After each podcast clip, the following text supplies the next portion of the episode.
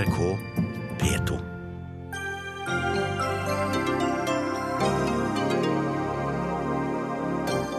Å søke asyl er en rettighet alle på flukt har. Å forbli i landet de kommer til livet ut, er ingen rettighet. Om Europa fortsetter som nå, bryter systemet sammen snart, advarer tidligere dommer for Den europeiske menneskerettighetsdomstolen. Byrådet i Oslo innfører dieselforbud på ekstra forurensede dager. Lufta vil bli bedre, men dette er for drastisk, mener forsker. Frp er et fløyparti vi har fått nok av, sier KrF. KrF er et fløyparti vi har fått nok av, sier Frp. Hurra, roper Venstre-lederen for at Ryanair trekker seg ut av Rygge pga. flyplassavgiften. Hurra for at 1000 arbeidsplasser forsvinner, spør Arbeiderpartiet.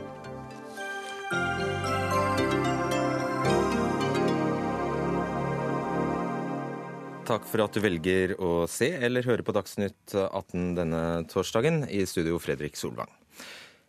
I land etter land ser vi nå at retten til å søke asyl settes på prøve.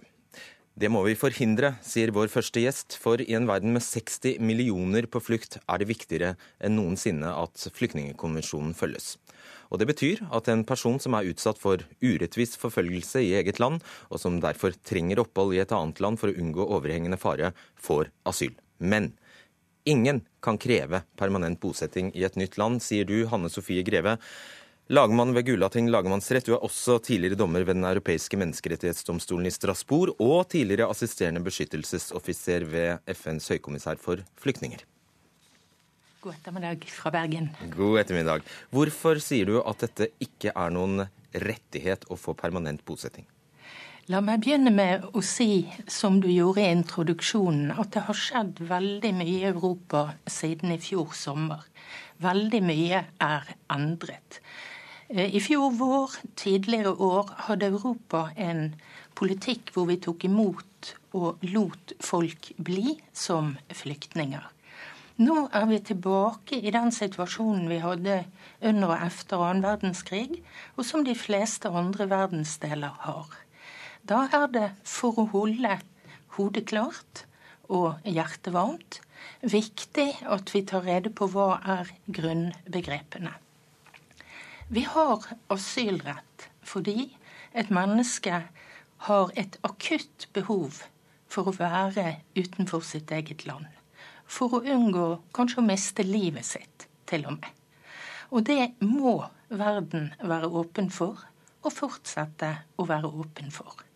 Det er en nødordning. Og derfor er det slik at så lenge faren varer Det kunne jo skje at den varer livet ut for et menneske. Man kommer kanskje som flyktning når man er tidlig i 90-årene og konflikten varer lenge. Så kan det være man blir livet ut i et land. Men i utgangspunktet er det nødhjelp så lenge faren hersker i hjemlandet. Slik at flyktningeretten har tre grunnbegreper. Retten til asyl, repatriering, å vende hjem til eget land når faren er over. Og så har vi en ordning med et begrep, det virker litt forvirrende, men det kalles gjenbosetting. Å få bli boende utenfor sitt eget land. Det har man i utgangspunktet ikke krav på. En annen sak at det skjer for mange, men man har ikke krav på det.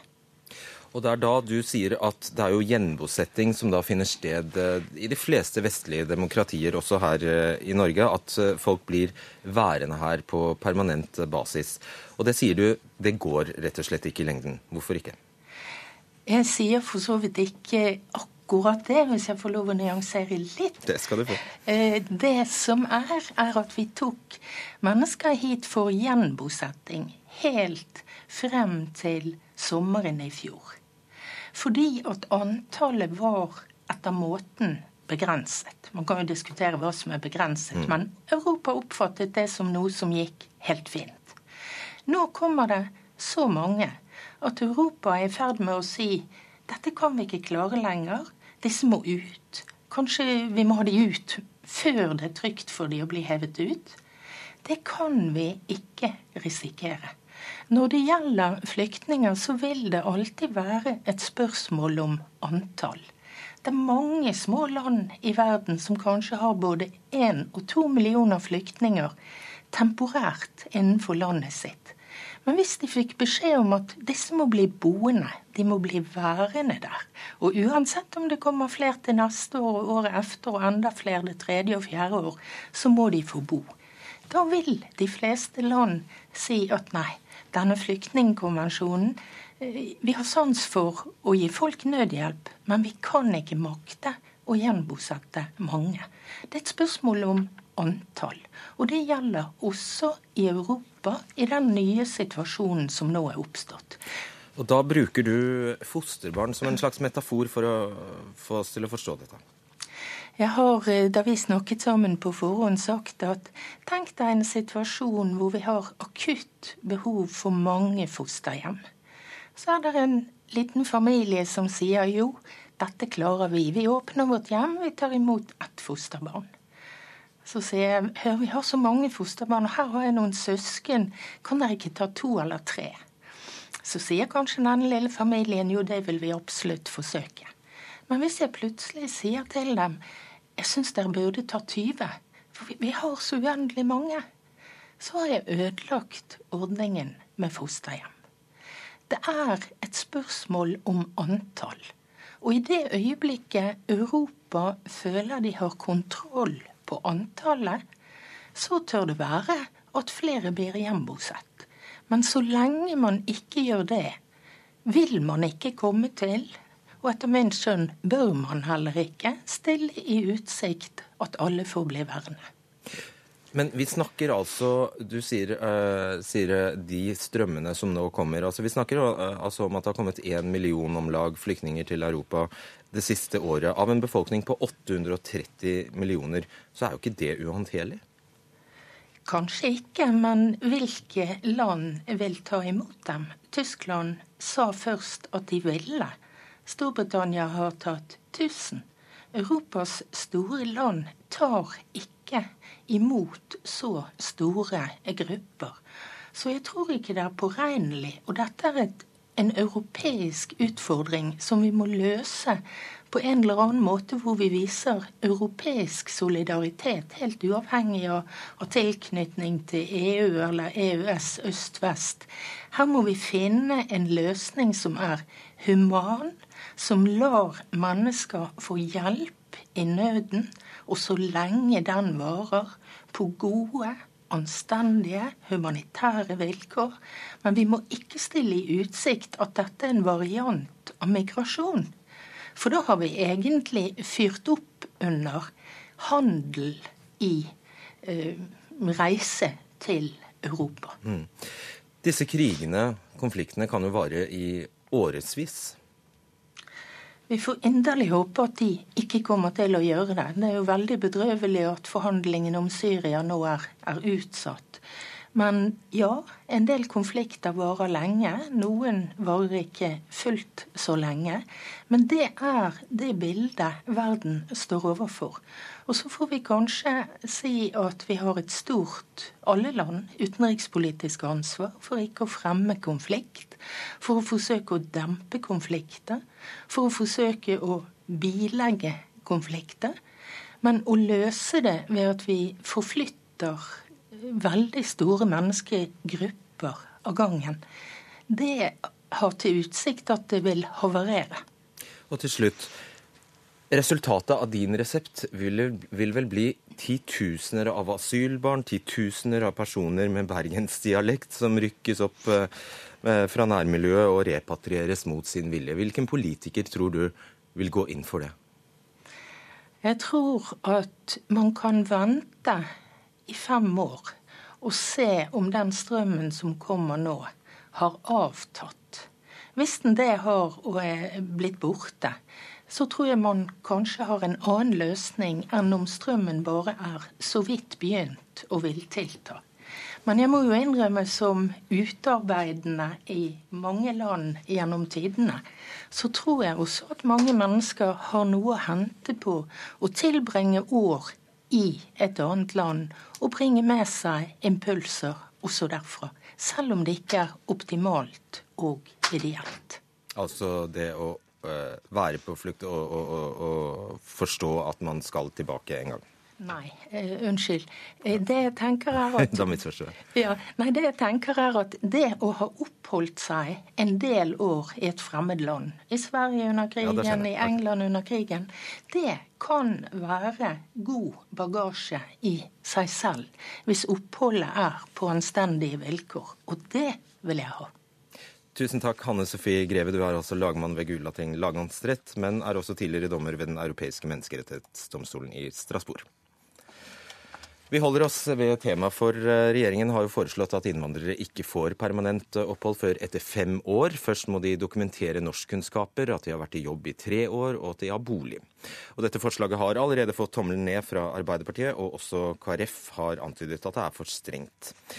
Eh, Karin Andersen, deres, du er stortingsrepresentant for SV, og dere står altså utenfor hele dette asylforliket. Men når du hører det eh, Greve sier, er det noe og det betyr, innebærer jo også at dere er imot alle disse formene for nye, for nye midlertidige opphold.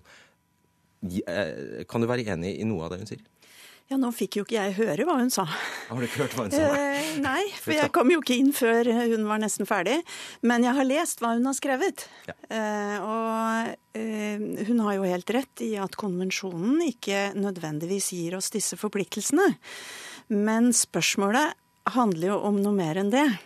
Det handler om eh, god integrering og om eh, erfaringer med midlertidige tillatelser før. Norge har jo prøvd dette før. Det gikk ikke særlig bra, og vi måtte gi folk opphold etter hvert, varig etter hvert. Og så når du kommer til Norge, så vil jo alle at vi flest mulig skal klare seg sjøl. At du skal integrere deg godt, du skal lære deg norsk, du skal bidra i samfunnet. Og da sier vi liksom at du skal integrere deg godt, men du skal ikke slå rot. Og vi er jo mot disse innstrammingene fordi vi mener at det er dårlig integreringspolitikk. Fordi vi vil at de som kommer hit skal kunne klare seg godt og bidra i samfunnet, flest mulig av dem.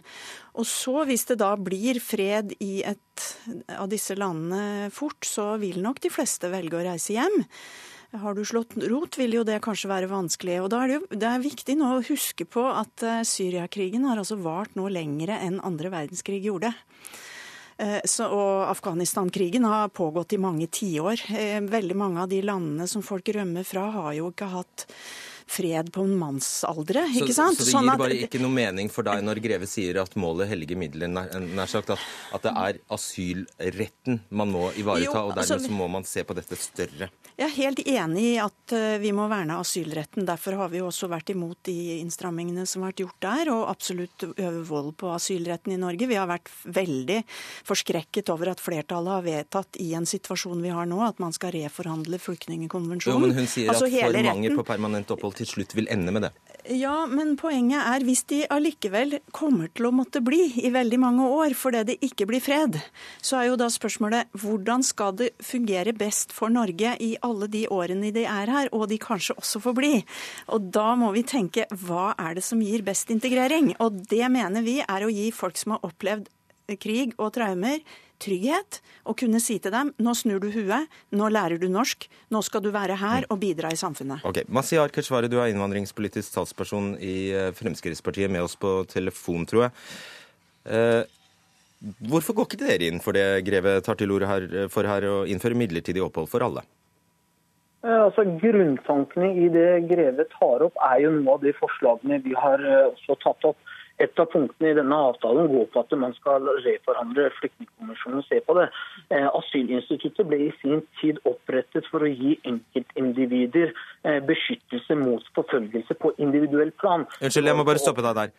Det Greve nettopp har påpekt, er at det trengs ikke noe reforhandling av flyktningkonvensjonen. Hun sier at flyktningkonvensjonen nettopp ikke gir noen rett til permanent opphold. Du trenger ikke å reforhandle den. Nei, nei altså, da misforsto meg programleder. Dette går på retten, og alle sier at vi har rett til å komme og søke om asylbiten av det, som er en del, stor del av eh, tilstrømmingsproblematikken. Når det gjelder dette med permanent opphold, så er jo det helt riktig. og Det er jo derfor regjeringen regjeringa har sendt ut på høring et forslag som gjør at det blir eh, vanskeligere å få permanent opphold. og I mellomtiden så får man vurdere om beskyttelsesbehovet fortsatt er til stede eller ikke.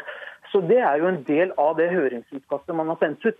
Eh, mitt, eh, mitt resonnement går på at Europa kan ikke fortsette med de velferdsordningene man har, og tro at man kan ta imot millioner på millioner av mennesker. Og det er bærekraftig, ikke bare økonomisk å få velferdsordningene, men også kulturelt, sosialt og sikkerhetsmessig over tiår uten at vi får alvorlige konsekvenser. 60 millioner medmennesker er betegnet som flyktninger av FNs høykommissær for flyktninger. Og Da må vi gjøre det vi kan for å hjelpe flest mulig av disse menneskene. og De befinner seg stort sett i områdene der det ja, er Det føler jeg vi har hørt en del ganger. Eh, eh Andersen, eh, hvis eh, Altså, noe av det dere reagerer på, er jo at eh, regjeringen da forsøker ja, dere tolker det slik at regjeringen forsøker å avskjære noen fra å kunne søke eh, ja, de, asyl? De forsøker å skremme dem med å si at hvis du kommer til Norge, så får du ikke være sammen med familien din, kanskje på mange år. Du får ikke permanent oppholdstillatelse før det har gått mange år. Du må tjene, du må ha fast jobb og ha tjent eh, og ganske høy lønn over mange år før du får familien din hit. Og det, det står jo helt i skarp motstrid til det de har argumentert for, nemlig at vi skal stramme inn for de som ikke Eh, trenger beskyttelse. Det er jo alle enige om. Men det å være, eh, gjøre det vanskelig for de som har krav på beskyttelse, å bli godt integrert og klare seg godt i Norge, det er det vi har vært imot. Og det, jeg, de fleste av oss har familie og barn. Jeg har barnebarn. Hvis jeg skulle sitte i angst i årevis og ikke visst hvordan de hadde det, så er jeg ganske sikker på at jeg hadde hatt problemer med å lære meg et fremmedspråk. Hvis jeg skulle opplevd utrygghet i årevis, så er jeg ganske sikker på at jeg hadde hatt vanskelig mm. for å bidra godt i samfunnet. Og det er dette som er hele argumentet for at vi går imot dette. Keshvari, hvilken integrering blir det at folk går rundt og gresser og venter og venter? Hvilken integrering har vi i realiteten i dag når vi ser på arbeidsdeltakelsen til de største flyktninggruppene i, i, Norge, enten det er somalere, irakere eller afghanere? Eh, man må slutte å late som om innvandring, asyl og, eh, og, og flyktningproblematikken er noe som har oppstått i løpet av sommeren eller de siste fem årene.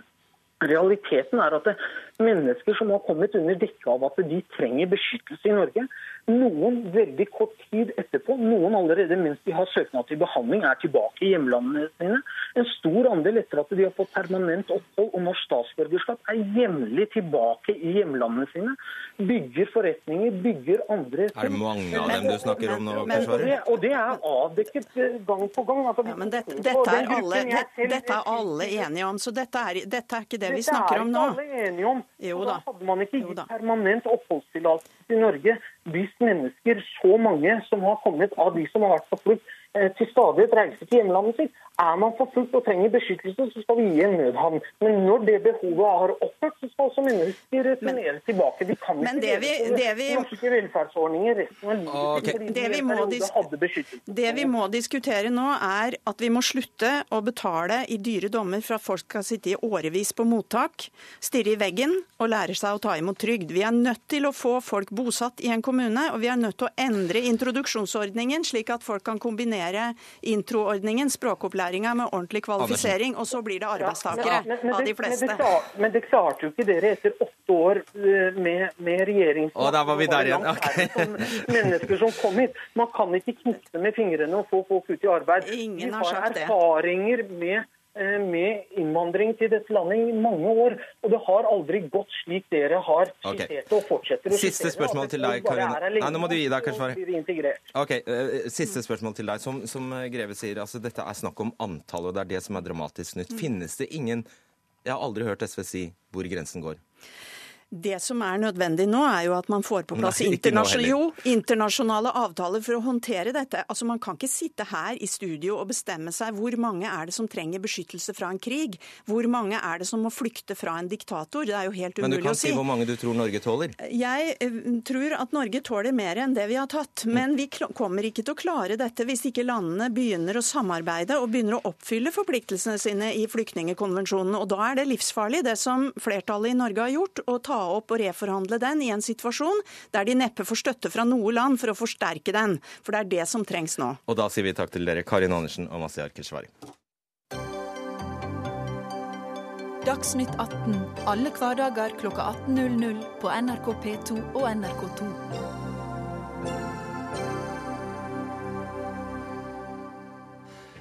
Som vi har snakket om utallige ganger her i Dagsnytt 18, mange byer i Norge har slitt med dårlig luft og høy forurensning denne vinteren. Og nå tar Oslo et nytt grep som skal bidra til å løse akuttproblemer på de aller verste dagene.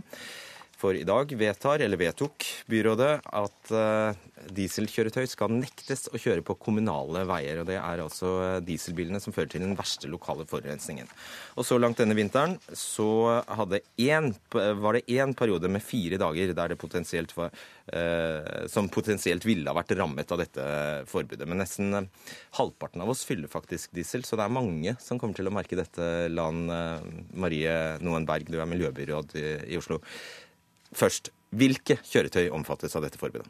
Nei, Dette er et, et, tiltak for å kunne begrense luftforurensning når den er akutt på de få dagene det vil gjelde. Forrige gang vi hadde en sånn situasjon ja, Men ikke ta hele den regla. Eh, vi, vi, skjønner det at det er for å, for å bedre lufta. Men ja, hvilke 2011, kjøretøy? Og dette her vil gjelde eh, dieselbiler, eh, kjø, dieselkjøretøy i byen. Og så vil det være unntak for viktig næringstransport for folk med funksjonsnedsettelse og eh, annen viktig trafikk, som f.eks. utrykningskjøretøy og kollektivtrafikk. Og drosjer. Ja. Så i utgangspunktet alt, alt som går på diesel, stort og smått? Altså Dette her vil omfatte eh, dieselkjøretøy, men ikke ikke eh, kollektivtransport, eh, utrykningskjøretøy, ja. næringstransport, viktig næringstransport og folk med nedsatt funksjonsevne. Ja. Hva er en kommunal vei? En kommunal vei, altså For å beskrive dette her ganske enkelt, da, så vil det si at på dager med høy luftforurensning så blir det ikke mulig å kjøre bilen inn til Oslo. Men siden vi ikke kontrollerer de statlige veiene, så blir det mulig å kjøre bilen gjennom Oslo. Og Det betyr at du heller ikke kommer deg ut av Oslo? Ja, det stemmer. Eh, varetransport, skal det kunne unntas? Ja, det, det viktig varetransport det må unntas for at byen skal fortsette å gå rundt. Og der er det eh, fritt fram. Alle som driver med varetransport, vær så god. Da er det sånn at eh, vi vil da, eh, vi vil da um, ikke unnt, Altså vi vil, vi vil, da ikke unnta da vil, vi, da vil vi ha varetransport som går på euro 6-klasse. Altså de nyeste tungtransporten, den kommer seg gjennom, og annen viktig transport som må gjennom. Ja. OK, greit. og til slutt, før, før, vi går videre til de andre her. Um, for dem som f.eks. må via en eh, kommunal vei for å komme til hytta f.eks., hva skal de gjøre? Nå er det sånn at dette er veldig få dager dette gjelder. Sist gang vi hadde en sånn situasjon, var i 2011. Ja, okay, hvis du må på hytta akkurat den ille dagen. Vi kan kalle det en unntakssituasjon, og da er det farlig høy luftforurensning. Det er farlig for folks helse, og da uh, stoler jeg på også at uh, at uh, nordmenn også skjønner at nå er det, da er det viktig at vi drar fram dugnadsånden og skjønner at nå er det helsa som går Og nå hørte alle at du ikke svarte på det spørsmålet. Samferdselsminister eh, Ketil Solvik-Olsen fra Frp, er dette en god idé? Det er en god idé å gjøre en jobb for å forbedre byluft. Det tror jeg vi alle er for, og vi har gjort mange virkemidler tilgjengelig. Og vi har jo gjort det økonomiske midler tilgjengelig ved at vi har eh, firedobla bevilgningen til kollektivtransport gjennom belønningsordning. Det gir folk et alternativ. Eh, budsjettet for 2016 har en 60% økning i bevilgning til gang- og sykkelvei. Er dette en god idé? Det, ja, det jeg sa nå, er en veldig god idé. Når det gjelder, er det en god idé gjelder, å innføre dieselbilforbud? så er jeg veldig bevisst på at jeg blander meg ikke inn i de prioriteringene som den enkelte by gjør. For Det er derfor en har kommunevalg. og det er kommunen... Hvorfor er du her da? Det er dere som har invitert meg, og jeg vil gjerne snakke om de virkemidlene som vi har totalt sett. Vi, vi har, altså nå har vi i mange måneder fått høre at vi ikke har, eh, gir eh, byrådet i Oslo virkemiddel. Så finner de ut at det egentlig handler om å gjøre lokale vedtak. og Når de da eh, gjør det, så ser vi at du får en lokal debatt. Er dette det fornuftige eller ikke? Okay. Min, min, min, primære tilnærming som Frp er jo heller å sørge for at de positive virkemidlene brukes først. Sørg for at det f.eks. er gratis kollektivtransport på de samme transportårene der folk i dag kjører ja, gjennom bomring. For ditt parti har jo stemt imot dette i byrådet i bystyret, bare så det er klart. Eh, eh, det, det, Berg nevner her, at hun er avhengig av deg for å kunne innføre dette også på de statlige veiene? Det vi har sagt er at Vi vil ikke at det skal gå politikk i akkurat den beslutningen. Derfor har vi delegert den beslutningen til Statens vegvesen. Sånn at Hvis Oslo kommune henvender seg til Statens vegvesen og sier at dette tiltaket kunne vi tenkt oss gjort i Oslo, så vil det være en ren faglig vurdering som Vegvesenet gjør. Rett og slett fordi at det er ikke sikkert... Så Veipartiet Frp lar det være opp til byråkratene? Nei, Vi lar det være opp til lokalpolitikerne å bestemme, og så skal faglige myndigheter gjøre en vurdering på om det faktisk har en nytte. Fordi Det er mange tiltak politikere kan ønske seg, men som bare er rent symbolske. Og Det er ikke vits i å lamme en by hvis en ikke faktisk kan påvise at det får en vesentlig bedre luftkvalitet. Vi vet jo at vedovner har en stor Nettopp. Vi påvirkning. det. Mm. Ja. Ja, eh, det er eh, byråkratene i Vegvesenet du skal Vei- smiske med. Ja, vi har faktisk vært i møte med Vegvesenet, og de er litt eh, lunkne til å innføre dette. Så er det tydelig at det trengs noen politiske signaler for å også kunne innføre dette på statlig være Ok. og gjøre dette her Men I så fall så er det jo for de har en vurdering at dette faktisk ikke gir en nytteverdi. Og så vet vi òg at politiet i dag gjennom Nettavisen har sagt at de, har, de vet ikke hvordan de skal klare å Nei, det skal vi også komme til. Ja, okay. Ja. Lasse Fridstrøm, forsker ved Transportøkonomisk institutt. Dere har ikke forsket på akkurat dette konkrete tiltaket, fordi det er eh, ingen som har innført det tidligere. Men hvor dramatisk er det? Altså, vi har regnet på ti forskjellige mulige tiltak for å bekjempe NO2 i Oslo-lufta. Eh, Og eh, de mest eh, radikale forslagene vi har sett på, vil ifølge Norsk institutt for luftforskning gi 25-30% reduksjon i NO2-nivået. Og dette er vel, Da snakker vi om forbud innenfor Ring 3 f.eks. For, for alle dieselbiler. Unntatt euroklasse 6 tunge kjøretøy, som er veldig reine. Det er ingen grunn til å ikke la dem kjøre. Så det vil monne. Det vil monne. Problemet med det jeg har lest i avisen i dag om dette forslaget, er jo baksiden av medaljen. For når dere vil eh, forby kjøring på absolutt alle kommunale veier, da går dere veldig langt inn i eh, folks eh, hva skal jeg si, hverdag. Og det vil være mange som, hvis de etterlever dette forbudet, ikke kommer seg på jobben. Og det kan bli noen uforutsigbare kostnader. Kostnader Jeg har allerede annonsert at du skal si at dette er for drastisk. Ja, Det er jo et politisk spørsmål om det er for drastisk, men det er iallfall mer drastisk enn noen av de alternativene vi har regnet på, og hvor de, de beste gir faktisk god effekt. Og så følger det av at du sier det blir en opptil 30 eh, utslippsreduksjon, at lufta blir, blir bedre. Ja, det gjør den. Det gjør den. Så til dette med håndhevelsen. Med et politi som knapt har tid til å etterforske voldtekter og drap, skal det, skal, hvordan kan du forvente at de nå skal løpe etter eh, alle som kjører på en kommunal vei? Nå er det jo slik at dette handler om unntakssituasjoner når lufta blir så helsefarlig at den er helt akutt. Det er veldig sjelden Ja, det det skjer. Og i unntakssituasjoner så er det jo klart at da pleier også politiet å prioritere sine ressurser til det som er best for folks ve og vel. Og så får det være opp til politiet å prioritere dette. Men for meg så er det viktig at vi nå har noen tiltak for å kunne begrense luftforurensningen. Men har du fått er lovnader fra politiet om at dette ikke bare blir en papirlov, altså en, en, en helt nytteløs og patetisk lov? Dette er absolutt ikke en nytteløs og patetisk lov. Det vi vet, er at politiet i Bergen og Bergen Så du har ikke fått lovnad Bergen fra kommune politiet har en veldig god dialog, og jeg skal på, på mandag skal jeg og politimesteren ha en eh, samtale om dette. Ok, på mandag. Ok, greit. Uh... Det er litt oppsiktsvekkende at en, en hastevedtar dette i bystyret. eh, Men en har altså ikke konferert med politiet, som er den som skal sørge for at lovverket blir gjennomført. Og når politiet selv sier at de har faktisk ingen metode der i dag kan skille mellom diesel- og bensinbiler uten at de stopper hver bil. de, altså, så Håndhevelsessida av dette her er åpenbart ikke gjennomtenkt. Og da er, altså, Det som er faren her, det er at du lammer et samfunn fullstendig uten at du vet om det faktisk har en, en reell nytteverdi, og hva det ellers betyr for helsepersonell som må komme seg på jobb, eh, en, eh, håndverkere og alle andre som kjører biler som ikke lenger vil få komme fram. Det har òg sider. Det er jo den Men delen likevel der. skal, sier du at det er helt greit for deg hvis eh, Vegvesenet mener det er de eh, gjør jo- de innføre dette på sta- statlige veier. Jo, men nettopp for de gjør jo de vurderingene før de sier ja eller nei. Det det de høres som- jo ut som du har bestemt alt. Nei, jeg bare påpeker at det er litt rart at, eh, at bystyret, eller byrådet i Oslo sa at dette virkemidlet her skal vi ta i bruk, men de har altså ikke snakket med de som skal være med å håndheve det. Det reagerer jeg litt på. Det er jo derfor vi, bør, det er derfor vi får kjeft for at vi bruker litt, noen uker av og til på å gjennomføre ting. Men det er jo fordi at vi faktisk vil sørge for at når du vedtar en lov, så vil den òg bli fulgt opp. Hvis ikke så har den jo ingen mening. Eh, Fridstrøm, hva, hvor, i hvilken grad kommer denne, dette forbudet på kommunale veier til å eh, få på innvirkning på hvor mye man kjører på de statlige veiene? Ja, Dette henger jo sammen, fordi en biltur går jo gjerne over eh, flere veier. Så eh, det at eh, de kommunale veiene er stengt, eh, gitt igjen at folk etterlever det, vil gi en kraftig reduksjon i trafikken. Ja, Det er ingen som parkerer på E18 eller på E E6. bare stopper bilen på E6, det er det vel ikke. Men kan du ikke risikere at folk, bare kjører i ring, ring hadde jeg nær sagt, at de holder seg utenfor? At de Altså, kjører hvis- til kjøpesentra De som skal utenfor gjennom byen, kan fortsatt gjøre det. Og det er ikke urimelig. Ok.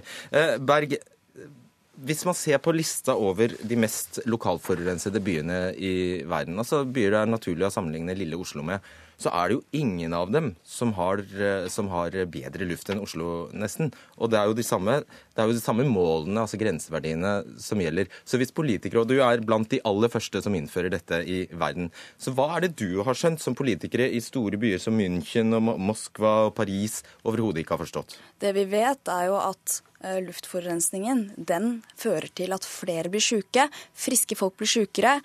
Syke eh, folk blir enda sykere. Dette her er et stort problem også i Oslo. og Det at andre byer ikke tar grep, det får jo være på andre byers regning. Men jeg vil ikke at vi skal være i en situasjon hvor folk blir syke av lufta i byen vår. Og dette her er grunnen til ja, at vi ønsker Men de syns det er for drastisk, da, åpenbart, det du ja, har gjort. Nå skal, du, nå, nå skal, jeg bare få oppklart dette. Og jeg, ikke, jeg ønsker ikke at dette skal være en forbudssone. Problemet er at vi ikke har lovhjemmel til å innføre gebyrbaserte soner.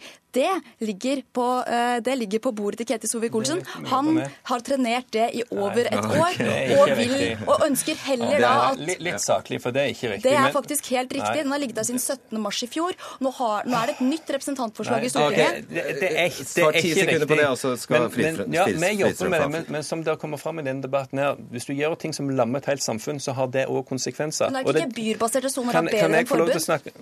Det er derfor vi finner en løsning på dette. Men du, skal du vedta lovverk, så må du også sørge for at det kan håndheves. Og det har noen sider når du ikke kan sjekke dette digitalt i dag. Men politiet kan jo stoppe at... folk for å sjekke jo, men, hvor mye de har drukket. Folk skjønner jo ikke hva dere snakker om. Ja, men ærlig talt da, hvis, hvis det er sånn at by, byrådet i Oslo mener at alle biler som kjører inn til Oslo, skal stoppes og kontrolleres, er det, står det diesel bak på bilen, eller står det ikke?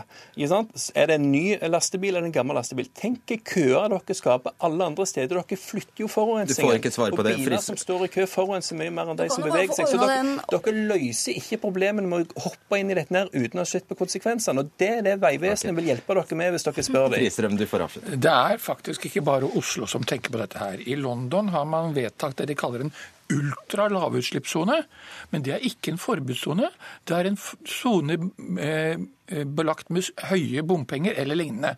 Og Det innebærer at uh, ulempen for den enkelte blir ikke større enn det man i verste fall betaler for den oblaten eller den passeringen gjennom et bestemt punkt. Så en, en, en prisordning er veldig mye mer fleksibel og vil ikke belaste publikum på samme måte. Og, og det vil også virke. Du ville anbefalt det? Jeg ville anbefalt det. Ok, da vet vi. Takk skal dere ha. Lan Marie Berg, Ketil Solvik-Olsen og Lasse Fristrøm.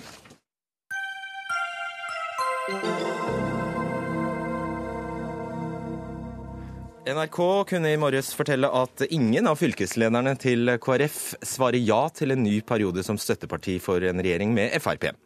Tre av fire KrF-fylkesledere mener det er lettere å nærme seg Arbeiderpartiet etter at den rød-grønne blokka nå er eh, borte.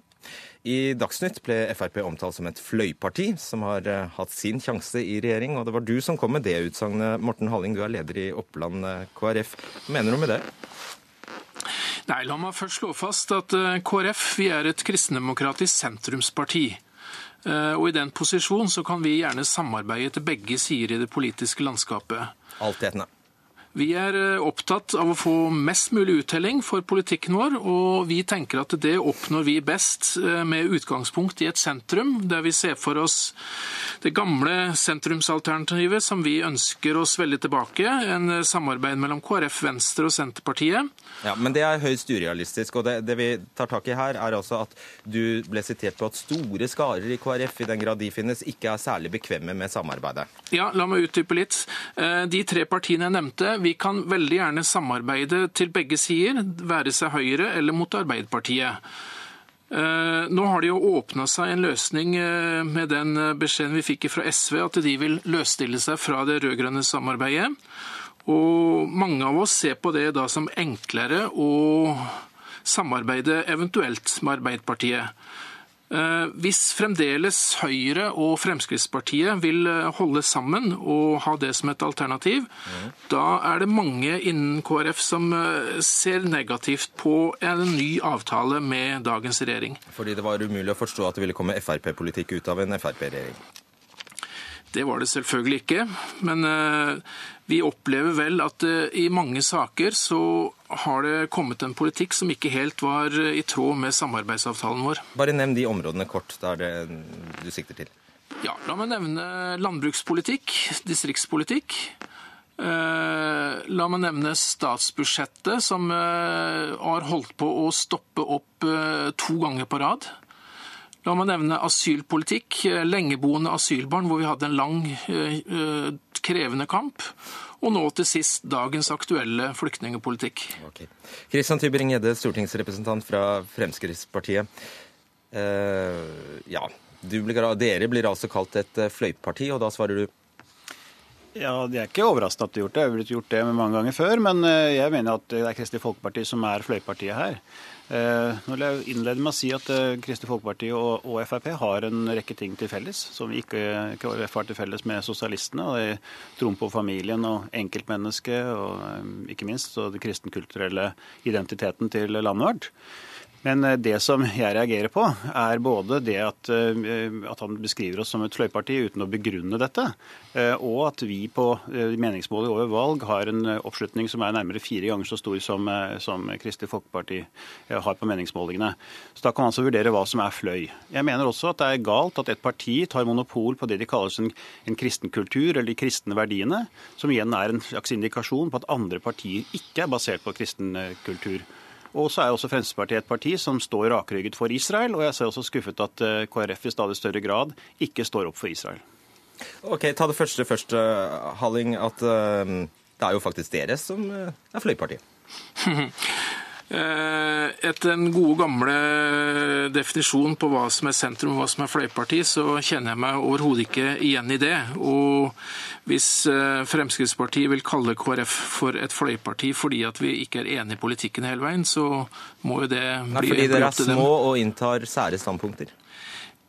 Vi er små, men eh, sære standpunkter inntar vi ikke. Men eh, vi har i de to siste åra opplevd at vi ikke har vært enige med regjeringa og Fremskrittspartiet især i, i flere saker.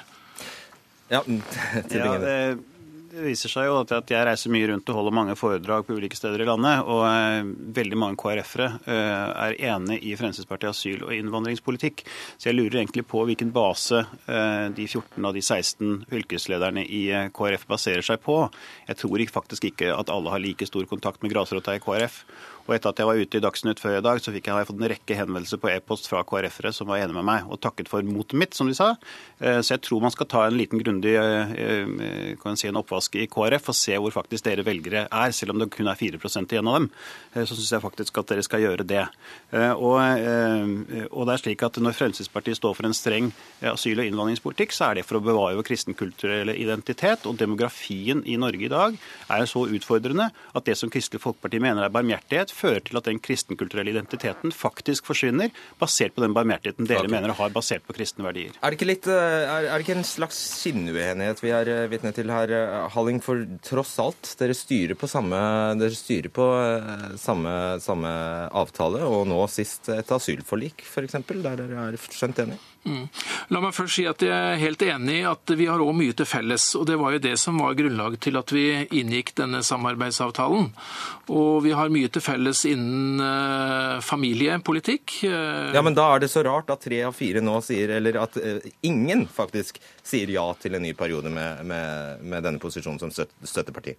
Nei, og det må jo være fordi at områder der vi er faktisk uenige, overskygger de mm. områdene vi er enige.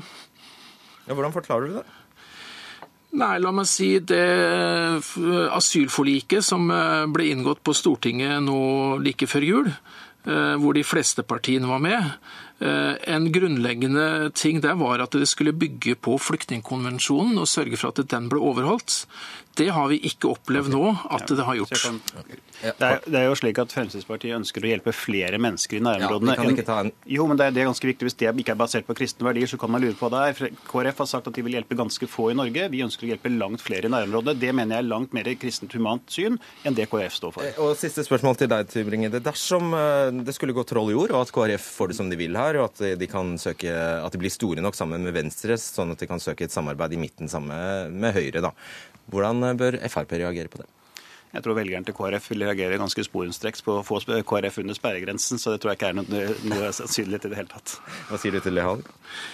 Nei, det, det, får være hans spådom. Den er ikke min. Så, så, jeg kjenner eh, mitt fylke godt og vet hva KrF-medlemmer og velgere står for der. Takk skal dere ha, Kristian Tybring-Gjedde og Morten Halling. Hør Dagsnytt 18 når du vil. Radio NRK Radio.nrk.no.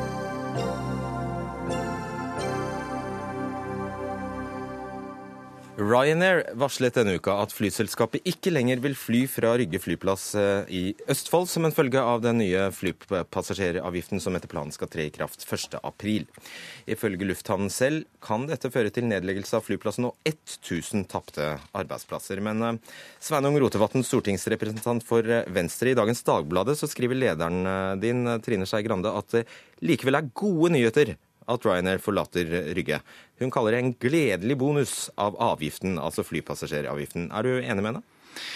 Jeg er enig med henne, fordi Ryanair de har skvisa arbeidstakere og passasjerer til det aller ytterste for å kunne tilby lavest mulige priser. Og Når de nå må begynne å betale for klimagassutslippene sine, så er jo den forretningsmodellen tydeligvis ikke lenger lønnsom. Eh, det er det liten grunn til å beklage seg over. Altså Tåler ikke forretningsmodellen din det grønne skiftet, da har du ikke en bærekraftig forretningsmodell.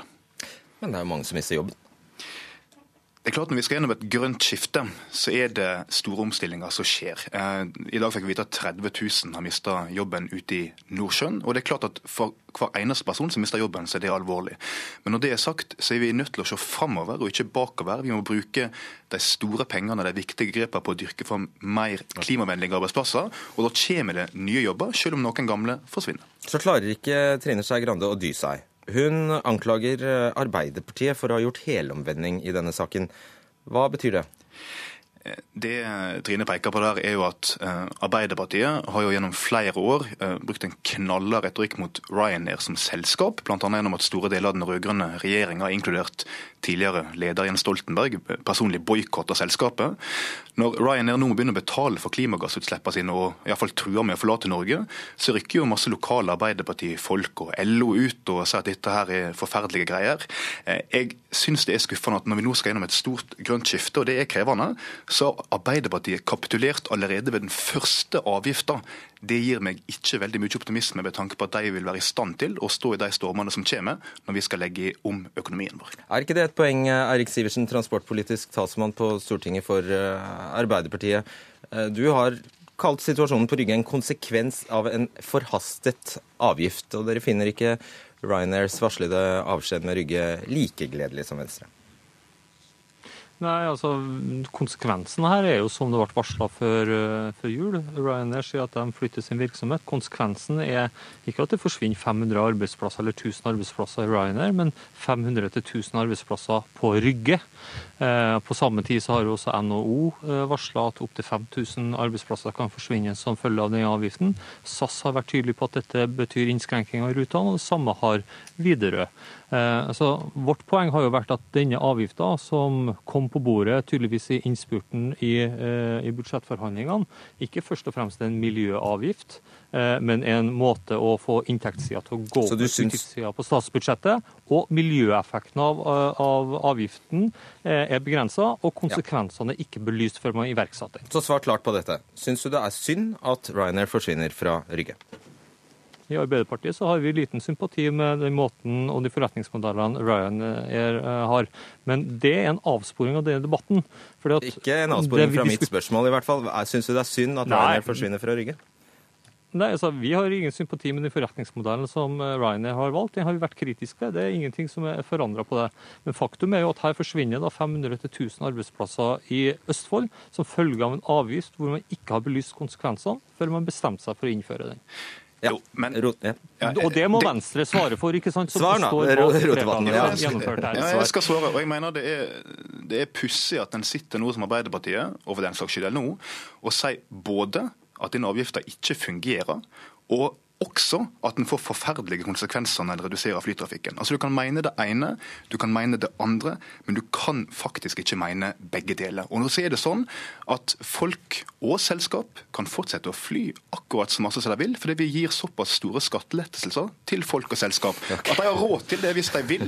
Men de får et valg, da. ikke sant? Vil du bruke like masse penger som før på å fly, eller vil du kanskje bruke penger på andre ting, kanskje til og med mer miljøvennlige transportformer? Vegard Einar, nestleder i YS-forbundet Parat. Eh, jeg gidder ikke engang spørre deg om du, syn, syns det er gledelig at Ryanair eh, forsvinner fra eh, Rygge, men vi er i den litt morsomme situasjonen at dere er egentlig imot denne flyseteavgiften som nå gjør kål på det selskapet dere har brukt utallige ressurser på å bekjempe. Ja, det er helt riktig. Altså, vi er jo prinsipielt imot denne avgiften fordi at den er, den er kommet for det første i en sen nattetime, åpenbart, i budsjettforhandling uten konsekvensutredning. Ja, Men den har jo en gledelig konsekvens. Ja, og det er jeg helt enig i. Og, og, og det er ikke noe tvil om at vi mener at den største trusselen i norsk luftfart og det norske arbeidsliv, det er useriøse arbeidsgiveraktører som Ryanair. Og det er ikke denne avgifta, hvor galt vi enn måtte mene at den er. Eh, og Derfor blir jeg litt overraska over at et selskap som Ryanair har nå i 10-15 år praktisert trusselpolitikk overfor arbeidsgivere og politiske myndigheter. De nekter å bidra til fellesskap, men betaler ikke avgifter. De har vært i Norge nå i rundt seks år. De har ikke betalt i kroner i skatter, avgifter, trygdeavgift, ikke pensjon til de ansatte. altså Ingen rettigheter har de tilgodesett sine ansatte med. Eh, og så når de truer med å forlate, som ville ha vært konsekvensen hvis folk hadde fulgt oppfordringa fra Parat og LO Arbeiderpartiet i alle år om å boikotte selskap, om å ikke bruke dem fordi at de nekter sine ansatte. Men det har jo ikke folk gjort, da. Nei, men konsekvensen av sånn, sånn politikk ville jo ha vært den samme som vi nå heldigvis ser at Rainer truer med å trekke seg, og håper at de gjør det. For at de hører ikke hjemme i norsk arbeidsliv, og de er en større trussel mot norsk luftfart enn avgifter. Men på, når det er sagt, så, så eh, klarer jeg ikke heller å forstå eh, hvorfor Arbeiderpartiet og LO i denne sammenhengen bruker argumentasjonen eh, og, og, springer først i toget for Ryanair sin argumentasjon når det er så masse gode andre argumenter, som å forsvare Norwegian i konkurranse mot urettferdige avgifter. Vi hører med Sivertsen. Ja, men Det er jo det jeg forsøker å si. Altså, dette, altså, det å, å, bruke Ryanair er en, en avsporing. Altså, NHO, eh, som er, representerer mange norske arbeidsgivere, sier at her vil det forsvinne mange eh, arbeidsplasser. De opererer med tall på 5000. Nei, men du, Siversen, vent, vent, altså, Helga Pedersen har, har, sagt til Moss Avis at miljøforurensningen bør bekjempes med kvoter, og ikke denne typen avgifter, som ifølge henne kun rammer tredjepart altså lufthavnansatte, så der brukte hun eh, Rygge. Og også andre arbeiderpolitikere har understreket at Ryanairs sorti eh, kan få store konsekvenser for Østfold. Så du kan jo ikke snakke deg vekk fra det. Jo, nei, men altså, Det er jo arbeidsplasser i Østfold forsvinner, men det er jo ikke arbeidsplasser ved Ryanair. Det er arbeidsplasser ved Rygge lufthavn. Det er en konsekvens av den avgiften som er innført. Men det vil jo også få konsekvenser på andre flyplasser. I den landsdelen jeg bor i, så har vi ikke noe alternativ til fly. Men Widerøe har vært tydelig på at flere av rutene deres vil forsvinne på, som grunn av denne, denne avgiften. Men poenget er også at denne avgiften ble innført uten at man gjør det på normal måte. At man sier at vi skal utrede konsekvenser først og vurdere de opp imot fordelene. Så er vi enige om at hvis du legger en avgift på, på det å fly, så vil jo etterspørselen dempes. Men det er jo et problem med luftfarten fordi at den tilhører kvoteplikt. Så det blir jo ikke mindre, eh, mindre flyvninger, de flytter seg til andre steder. Vi er ja, Vi har litt dårlig tid nå. Rotevatn, vil det være like gledelig for deg om andre selskaper enn Ryanair nå legger, legger ned ruter? Det er ikke et mål at noen selskap skal gå under eller flytte, men det er et mål at det skal være litt dyrere å fly for mye. Og Det er klart at det selskapet som har skvisa prisene aller mest og tilbyr aller billigere reise, det er klart at det er de som ryker først. Men jeg mener at dette her er jo typisk Arbeiderpartiet. Altså En er for miljøpolitikk helt til det får konsekvenser. Det er ikke veldig tillitsvekkende. Og det er heller ikke slik at denne avgiften er noe som kommer en sein nattetime. Altså, dette er noe Venstre har gått til valg på, noe et stort flertall på Stortinget nå er enige om å gjennomføre. Og Ryanair har brukt den taktikken her i alle europeiske land, med trusler og bøllete oppførsel. Men jeg er folkevalgt i landets lovgivende forsamling som har gått inn for en miljøavgift på fly, og vi lar oss ikke bølle med. Ok, og til slutt, eh, Einar, Er miljøaspektet ikke viktig for deg overhodet? Jo, det er viktig, men man må ikke kaste prinsippene med båten så snart en aktør som Rainer begynner å true. Det har de gjort i andre land, så nært som i Billund. Og det som viser at Etter at Rainer trakk seg ut, så økte trafikken på Billund flyplass. Vi må ikke være redd for at Rainer, med den opptredenen de har, skal forsvinne ut. Det vil være en styrke for norsk arbeidsliv, og det vil være en styrke for norsk luftfart. Det må være det viktigste. Og vi har selvfølgelig invitert Rainer hit. De ønsket ikke å stille. Tusen takk skal dere ha, Vegard Einan, Sveinung Rotevatn og Eirik Sivertsen.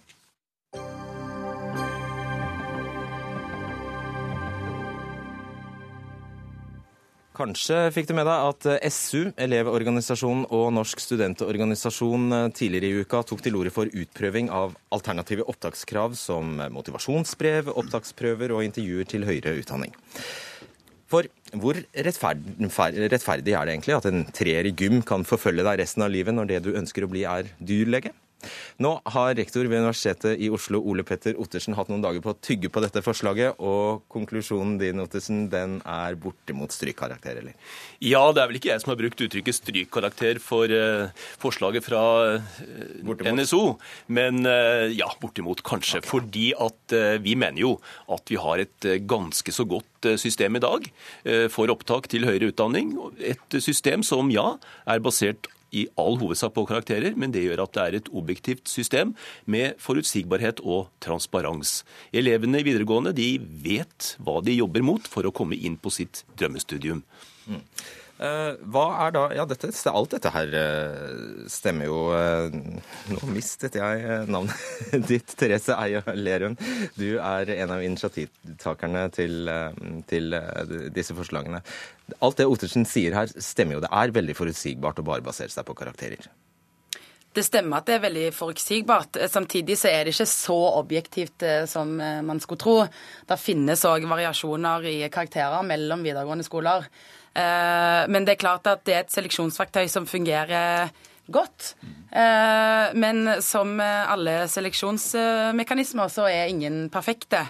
Eh, og det som jeg stusser ved ved opptak til høyere utdanning, er at man altså bruker samme seleksjonsmekanisme karakterer ved alle utdanninger, til tross for at disse er veldig forskjellige og krever ulike ting. Um, og vi har heller ikke begrensa oss til disse tre forslagene som intervju, motivasjonsbrev og opptaksprøver, eh, men ønska de som et prøveprosjekt eh, for å se om vi kan gjøre noe for å fikse noen av de utfordringene vi ser med dagens opptakssystem. opptakssystem. så bare så lytterne og seerne skjønner hvor du kommer fra. Du altså, du representerer Norsk studentorganisasjon. Er det helt riktig det at det, det ikke er noen utdanninger som har en slags opptaksprøver? Hva med arkitektur f.eks.? Ja. Ja, Det stemmer det. Arkitekturhøgskolen i Oslo f.eks. har jo opptaksprøver. Politihøgskolen har eh, tilsvarende. Og så er det en del, noen få andre utdanninger som òg opererer med dette. For de har jo allerede lov til å gjøre dette i dag, hvis de søker til Kunnskapsdepartementet. Problemet vi ser, er at det er veldig få som prøver seg ut for å se om dette fungerer. Og det er nettopp det vi ønsker eh, skal gjøre. Vi har ikke funnet en fasit, men vi ønsker å se om det kan bli bedre enn det i dag. Hva er så gærent med å prøve?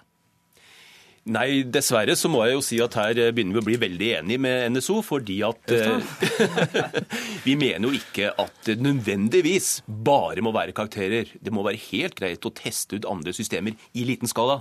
Og eh, det er helt korrekt eh, som ja, Vil du gjøre det? Vi er også på Universitetet i Oslo, på enkelte studier i en fase hvor vi ser på andre muligheter, f.eks. medisinstudiet. Men det vi snakker om her, det er veldig begrensede antall uh, søkere. Og eh, det å få det inn i full skala, det er helt umulig. Men det er et prøveprosjekt, utprøving, dere har bedt om? Det har blitt en veldig svart-hvitt-debatt, men det er altså snakk om et eh, prøveprosjekt. Ja.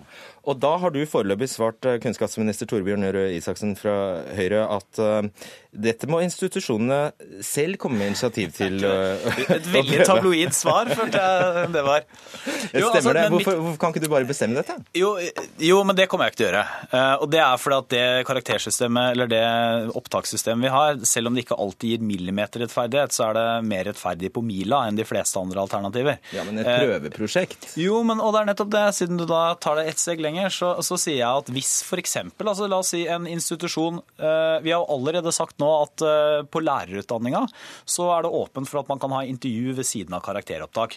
Du får ikke lov til å senke karakterkravene, for vi er opptatt av at vi skal ha høye karakterkrav for å komme inn, men på toppen av det så kan du bruke intervju ved siden av. Og hvis f.eks. hvis et annet studium eller et annet universitet har lyst til å si at ok, på dette studiet f.eks. For, for å komme komme inn, så vil vi ha enten det er et intervju eller skrive essay, eller vi vil vektlegge noen fag mye mer enn andre mm. fag, så er vi åpne for å si ja til det. Men da må det være ganske godt gjennomtenkt. Så tror jeg ikke det vil innebære at vi bytter ut hele systemet vårt. Bare én ting som er lett å glemme, det er at hvis vi skulle hatt intervjuer med alle som søker høyere utdanning i Norge, så ville jo ikke folk fått beskjed om at de kom inn eller ikke kom inn før de ble oppe i 50-åra. Ottersen, det har jeg skjønt er et av dine viktigste argumenter, at det er både tidkrevende og vil koste veldig mye penger. Det vil det absolutt. Eh, også bare mitt eget universitet. Eh, vi sender jo ut tilbud til 10 000 studenter hvert eneste år. 17 000 studenter har Universitetet i Oslo som førsteprioritet. Det sier seg selv at det å intervjue alle disse, og også få motivasjonsbrev fra alle disse, det er rett og slett en prosess som vil ta ressurser bort fra undervisningen og kvaliteten på studiene. Og du har kanskje ikke mer enn nok penger fra før? Ja, det får, eh, det får, vi ta i en annen debatt. Det tar vi i en annen debatt. Eh, er ikke det en, Har dere regnet på dette? Vi har ikke regna på det, og vi har heller aldri påstått at dette skal kjøres ut i fullskala. Eh, nå i første omgang, i hvert fall. For der har jo vi òg full forståelse at det både er tidkrevende og koster mye penger. Men det er litt eh...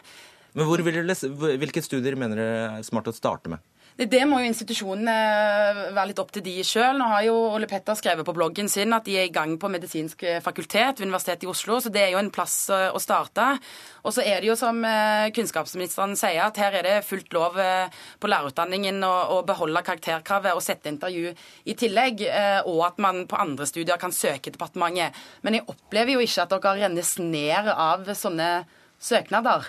Eh, så dette skjer jo åpenbart ikke på eget initiativ. Og det er der vi ønsker at Kunnskapsdepartementet skal inn og be om et sånt prosjekt for å se på om man får inn mer motiverte studenter, om man klarer å redusere frafallet, om man klarer å øke gjennomføringen, som jo koster veldig mye penger for dere, Ole Petter. Da kan jeg bare si to ting. Det ene er at for det første så mener jeg at universiteter og høyskoler er voksne nok til å bestemme selv, så jeg kan ikke drive og pålegge dem alt mulig rart. Jo, da, uh, uansett. Ja, jeg kan, men det vil jeg ikke. Det handler om at institusjonen også skal styre og bestemme bestemme mye selv. Det andre er at siden først nå NSO Elevorganisasjonen og Sosialistisk Ungdom, som jo for øvrig er en litt pussig trio i seg selv, men de har vært veldig opptatt av dette med rettferdighet. Og Det er jo grunn til å problematisere det litt også, for du kan tenke deg en jente som har jobba knallhardt for å heve karakterene sine i et par fag fra tre til fire for å komme inn på sitt studie.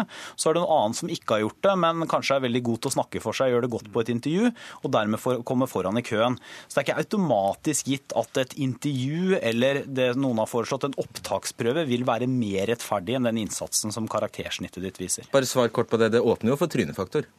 Det, det, åpner for veldig mye, mye, og det er der vi ønsker å se på hva slags muligheter det òg kan gi. Det er klart at det ligger utfordringer òg. Men det at vi ikke vet, er ikke et argument i seg selv for å ikke gjøre det.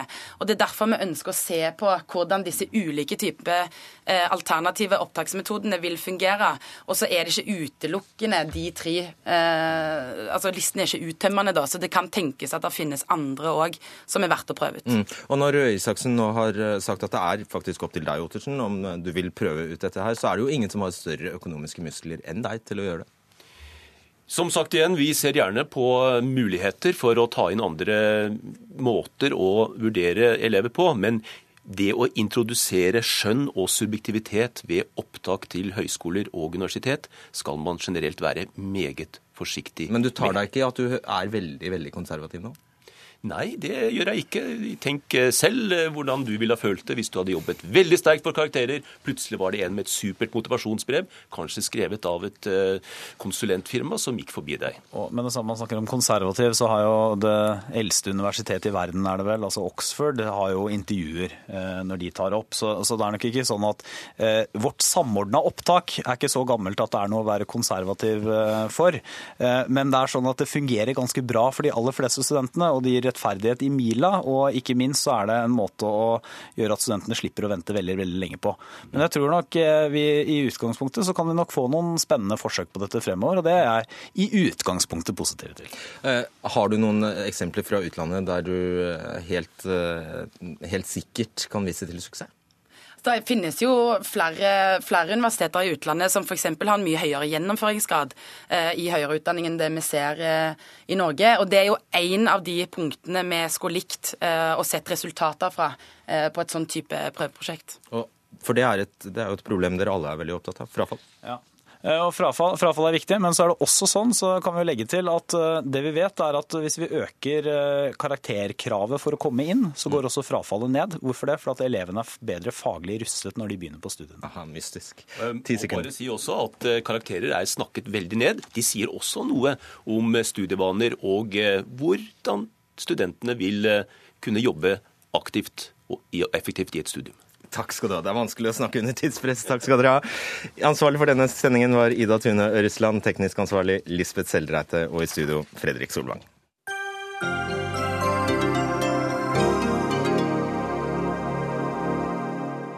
Hør flere podkaster på nrk.no podkast.